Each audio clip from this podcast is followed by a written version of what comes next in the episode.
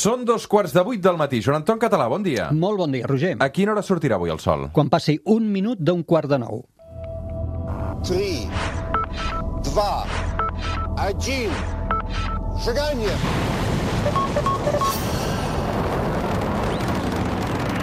One small step for man, one giant leap for mankind.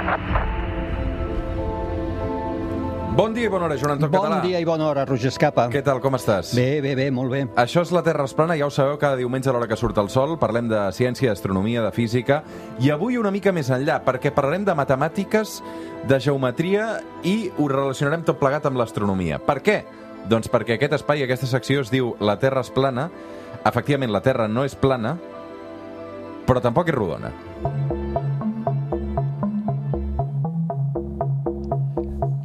Veure, Joan Anton. Sí, a veure, a veure, Roger, tio, uh, no és rodona perfecta. Dic, Ah. posem ara això, ja sé que tocava més endavant, però ara quan, quan ho deies m'he espantat una T'ha mica. sonat no? una mica estrany, sí, no? Sí, i algú potser, mm, no sé... Què diu aquest? Moment. Sí, sí, sí. O sigui, el titular és que la Terra no és perfectament rodona. Ah, aquest és el titular. Aquest és el titular. I avui parlarem d'objectes rodons, d'objectes perfectament rodons, o els que s'hi acosten a ser perfectament És a rodons. dir, els planetes acostumen a ser perfectament rodons o no? Sí, força rodons, perfect, força perfectament Dins de la rodons. mitjana, la Terra és menys... És, és molt, molt rodonet, ara ho veurem. De fet, dins de, del sistema solar és el tercer més ben rodó, més ben esfèric. Ara, ara t'ho explicaré. Però, mira, jo voldria començar d'una altra, altra manera. Abans que res, clar, tu penses en l'esfera i l'esfera et dona una sensació, no et dona una sensació com de pau i de, de perfecció. Dius, a veure, si algú sí, però ens s'imagina... vens a espatllar la... Vull dir, vens a dir-nos que no, que realment no és Ah, tan no, no, així. no, no. Ah. Però ara tu penses en una esfera perfecta. Sí, sí, sí, eh? sí, sí. Idealment, l'esfera, dius, és, és perfecta, no té una simetria que no, no la iguala cap altra, cap altra forma geomètrica. Ja els pensadors grecs ja havien, pens ja havien pensat, els pensadors grecs sobre això, havien reflexionat, i molts d'ells s'imaginaven la Terra rodona, rodona, per què? No perquè en tinguessin una constància, evidentment, sinó perquè deien que l'esfera és la figura perfecta, per tant, els déus, si han creat la Terra, l'hauran fet amb una figura perfecta. I també s'imaginaven l'esfera celeste, esfera celeste, s'imaginaven el cel també com una esfera. I alguns anaven encara més enllà i veien diverses esferes, eh? i a les esferes estaven enganxats puntets, que són els estels, o són els planetes. Plató, per exemple, deia que obligadament el planeta s'hauria d'haver creat de forma de globus, perquè és la forma més perfecta. I llavors van venir, bueno, hi havia Pitàgores, Aristòtil, que també per ells aquesta esfera era la forma perfecta que envoltava la Terra. D'entrada, dir-te això. Per tant, Sí. sí. l'esfera eh, ja ens aboca. Ara, anem a buscar objectes perfectament rodons, que és el que farem avui. Doncs mira, els trobarem, i ara ho anirem veient, els trobarem a on actui forces, com la gravetat, que faran que els objectes grossos, aquells que tenen més gravetat, són més ben rodons, més perfectament esfèrics. Per què?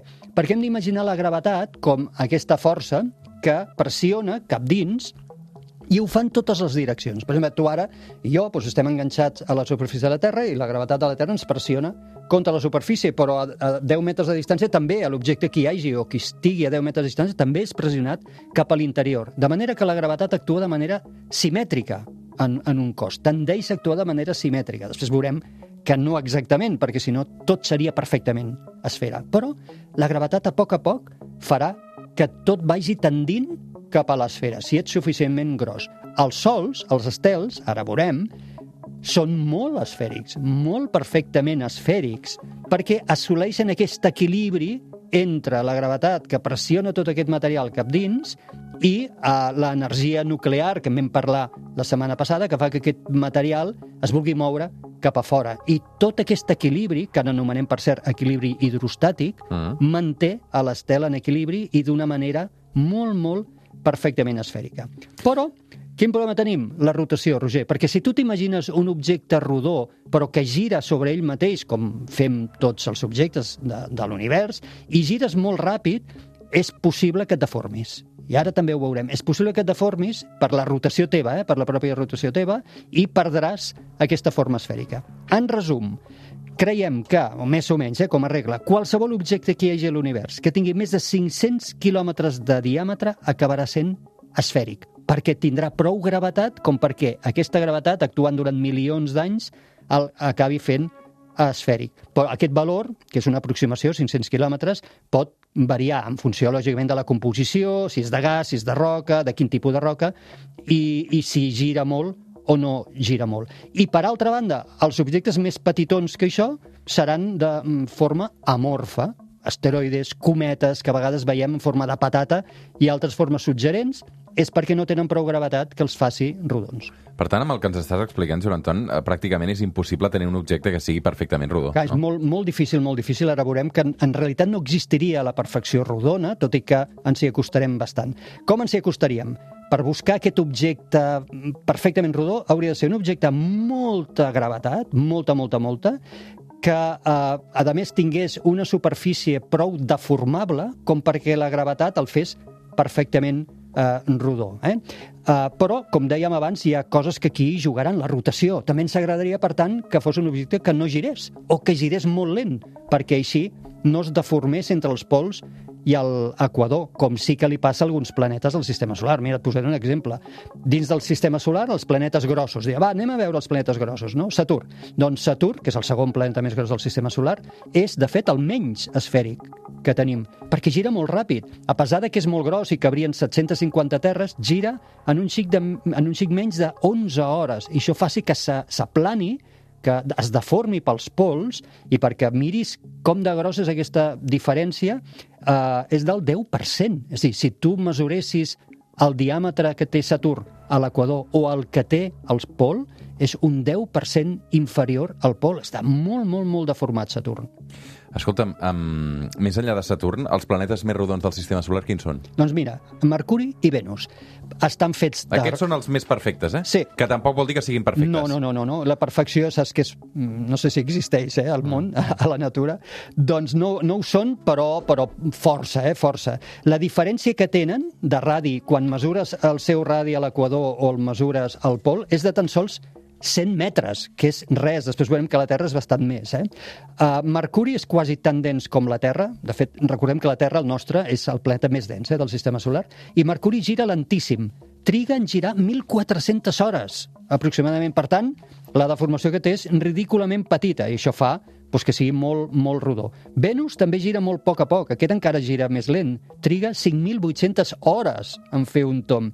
I això el fa ser força, força rodó. A més a més, n'hem parat algun cop, té pluges àcides d'àcid sulfúric i això fa que si hi ha muntanyes, que n'hi ha, eh? hi ha muntanyes i tal, eh, l'àcid sulfúric el que fa també és anar dissolent i fa que aquestes muntanyes o aquesta geo geologia no sigui tan extrema o tan, tan suggerent com la que tenim nosaltres. Per tant, elimina, tendeix a eliminar aquestes irregularitats que té a la superfície. Si tenim en compte aquests dos planetes i dius, quin dels dos, Mercuri o Venus, és Venus, perquè com que Venus és el més gros, és més gros que Mercuri, doncs Venus seria el número 1 en perfecció i Mercuri seria el número 2 en perfecció. I en aquesta escala de perfeccions ens has dit que la Terra era el número 3. Ara venim nosaltres, sí. Som el número 3. La diferència que hi ha quan mesures el radi entre els pols o l'equador és de 22 quilòmetres. Eh, Abans dèiem que en els planetes eh, Venus i Mercuri era de 100 metres. El nostre és 22 quilòmetres perquè girem força ràpid. En 23 hores, 56 minuts i 4 segons, donem un tom, i això fa que ens deformem un 0,3%. Eh? La nostra esfera és no perfecta en un 0,3%, que és molt poquet, però, però aquí està. Vale? A més a més, tenim altres deformacions que ara explicarem que fan que no ens agradi, en, en física, no ens agradi anomenar la forma dels planetes i de la Terra en concret com a esfera, n'anomenem esferoide, que vol dir és una forma que s'a- s'apropa, s'acosta a la de l'esfera, però no és perfecta. Val? Quins altres factors tenim que, fer, que facin que el nostre planeta es deformi d'aquesta forma perfecta esfèrica? La distribució de massa no és uniforme. A vegades pensem que la Terra és, doncs això, rodona i que tota la massa està distribuïda igual, per igual i no. Sabem avui que l'interior de la Terra és irregular, que el mantell de la Terra també té eh, irregularitats, té llocs on hi ha una mica rona més de gravetat, i això ho hem pogut mesurar, una mica rona més de gravetat que en altres, i això, per tant, també influeix en la forma de la Terra. A més a més, el material de l'interior de la Terra es mou. Uh, bueno, tenim molts, molts factors que, si vols, ara uh, te n'indico algun altre, com, per exemple, muntanyes que fan que la superfície de la Terra no sigui totalment regular.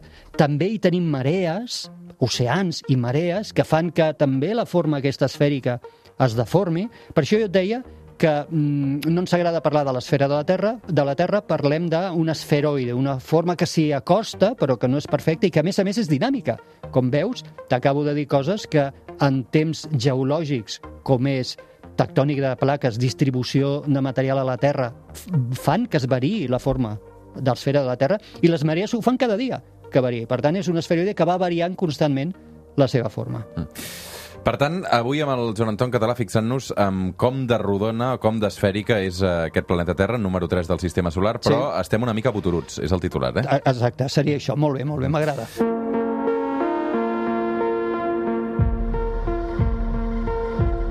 Amb tots aquests elements que ens has explicat, Joan Anton, busquem l'element perfectament rodó possible. Quin seria? Anem, anem. Seria un estel, perquè estan fets de gas i, per tant, és molt moldejable, que fos molt gros i que, a més a més, girés molt a poc a poc, eh, per no provocar deformació. Comencem pel Sol. El nostre Sol és una enorme esfera de 696.340 quilòmetres de radi que gira en 27 dies, no està malament, eh? i que presenta una deformació de tan sols 10 quilòmetres. Això és molt poc, és una perfecció quasi absoluta. La deformació que té el Sol és del 0,014 per mil. Per tant, un objecte super, super eh, perfecte des del punt de vista de la- de l'esfèric, de, ser esfèric. Però, de moment, l'objecte més perfectament esfèric descobert és un estel que es diu el Kepler 114523, que és un, Un sol... nom d'aquests fàcils de recordar, Facilons. no? T'haig de dir que aquests números són les coordenades, eh? Si algú no ho sabia, això són les O coordenades. sigui, ja directament no li posen ni, no, n'hi ha molts ni que no li propi, posen. eh? Kepler és l'instrument que l'ha detectat, en aquest cas el satèl·lit Kepler, i U145-U23 són les coordenades. Doncs això és un estel a 5.000 anys llums de nosaltres, que és molt més gros que el Sol, té 1,5 milions de quilòmetres de radi i una rotació tres cops més lenta que el Sol. Per tant, té tots els ingredients que el fan ser quasi, quasi perfectament rodó. Tan sols se separa 3 quilòmetres de la forma rodona perfecta, que això correspon a una deformació de dos parts entre un milió. Mm. I hi ha objectes que haguem fabricat nosaltres, els humans, eh, aquí a la Terra, que siguin pràcticament perfectament rodons? Perquè, per exemple, Mm. la joguina de fusta del meu fill, que, que, que, que és una esfera perquè... I que deixarà de ser-ho en algun moment, no?, Sí. quan hi jugui el nen. Sí, però, però és, és, és, fa la sensació que és molt perfecta, no? No, no, doncs no ho són, no ho són. De fet, tots aquests objectes, quan els compares amb els objectes del cel, aquests que acabem de dir, són super irregulars i molt poc perfectes des del punt de vista de la seva esfericitat. Mira, per exemple, l'objecte més perfectament rodó que s'ha fet a la Terra són dues esferes de silici que es van fabricar en extremada precisió per representar el patró internacional que mesura el quilogram. Això és un patró que es diu The Big K i que es guarda curosament a París sota mesures d'estricta seguretat i dins de tres recipients de cristall. Mm. A més, hi ha diverses rèpliques distribuïdes arreu del món, que t'haig de dir que, a més, s'ha observat que aquest objecte, de manera molt poquet a poquet, va perdent massa. Per tant, ja no ens serveix com a patró eh, del quilo. Afortunadament, això s'ha millorat. Doncs mira, aquestes esferes tenen una perfecció estorarora. Si les convertíssim en la mida de la Terra, les diferències entre les seves superfícies serien de només 3 metres. Abans veiem que el nostre planeta eren, eren desenes de quilòmetres. Doncs aquests serien només 3 metres. Eh? Uh, per tant, unes, unes esferes molt, molt, molt perfectes que no arriben, però, a la perfecció dels estels que comentàvem abans. I com que som una mica friquis, eh, tenim un rècord Guinness, també. Sí, clar. és a dir, tenim mi- l'objecte fabricat per Sí. l'home o la dona o l'ésser humà Sí. eh, que ostenta el rècord Guinness de més esfèric. És que he fet una mica de trampa. Abans deia l'objecte a la Terra, i he enfatitzat Ah. a la Terra, però tenim un objecte a l'espai. És un satèl·lit, són objectes que van dins de satèl·lit, que aquests són els que tenen el rècord Guinness de la forma esfèricament més perfecta. En realitat són quatre esferes, són els giroscopis GPB, que van dins d'una nau americana, la Gravity Probe B, eh, de la Universitat de Stanford. Són quatre esferes de quarts recobertes de niobi, és una nau que orbita a 6.000, ah, sí, perdó, a 650 quilòmetres d'altura en òrbita polar i la perfecció, atenció, d'aquestes esferes és tal que si tinguessin la mida de la Terra se separarien de la forma esfèrica perfecta només un metre. Per tant, això és el més perfecte que hem aconseguit. I tot i això, torno a dir, no ens acostem a la perfecció que tenen alguns dels estels, alguns dels objectes eh, de la natura. Fantàstic, Joan Anton. Doncs eh, hem encaixat algunes peces més, tot i que algunes d'elles no acaben de, Sí.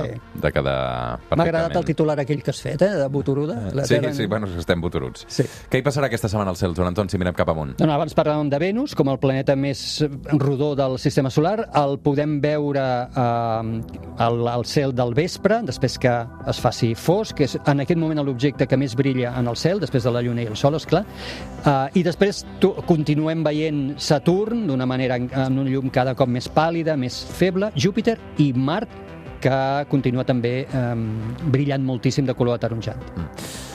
Joan Anton, eh, quan surt el nou llibre? El nou llibre, si tot va bé, a final, d'aquí a poquet, a començaments de, de febrer, l'hauríem de tenir, Geopolítica de l'Espai. Està entregat i... Sí, sí, sí, ja pagat, està, també? està impre... Perdona? Pagat, també? Pagat, què vol dir pagat? Bueno, vull dir que si és per encàrrec, si ja te l'han pagat. Uh, els autors cobrem en funció de les vendes dels llibres. Fas, fas bé de dir-ho, perquè a vegades la gent es i, pensa... i crec, que, crec que cobreu un o dos euros per cada llibre que veneu, no? Un 10% del preu del llibre és el, el contracte habitual, el contracte habitual en funció del preu del llibre, un 10%. Conclusió, compreu, sisplau, molts llibres del Joan Anton català. no només, sí, t'ho agraeixo, no només el Joan en català, jo penso que a vegades no, això no es coneix i la feina d'un autor és important, perquè lògicament allà hi ha el coneixement, la il·lusió també, eh?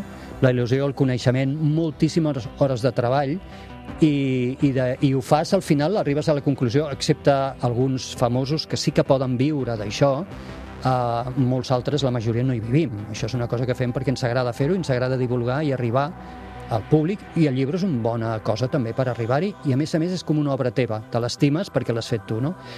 Els ingressos eh, acaba sent el de menys, perquè si haguessis de viure d'això. Tot i això t'haig de dir molt agraït a les editorials que han confiat en mi, Cossetània, no? Cossetània, i aquest llibre el traiem en angle, que és del grup també de Cossetània, per tant, super agraït a les editorials que confien en mi i que em permeten, a pesar de totes les dificultats que hi ha en aquest mercat del llibre, que em permeten continuar eh, publicant llibres. Geopolítica de l'espai. A partir d'aquest mes de febrer, amb el Joan Anton Català, una lliçó més vinculada a la ciència i a la batalla que vindrà, que serà gran, mm, sobretot primer pel control de la Lluna i després ja veurem què passa. Sí, sí, ja veurem. Eh, la ètica, a veure si som capaços de refer les lleis internacionals, que el llibre en parla, que són antigues i obsoletes, i, i l'esperança de que ho puguem fer bé. Com que està a les nostres mans, Roger, al final, aquesta esperança l'hem de tenir, no? No està tot perdut, només depèn de com nosaltres ho vulguem fer. Moltes, moltes gràcies, Joan Anton. Gràcies a tu, Roger. Fem una petita pausa i ara tornem.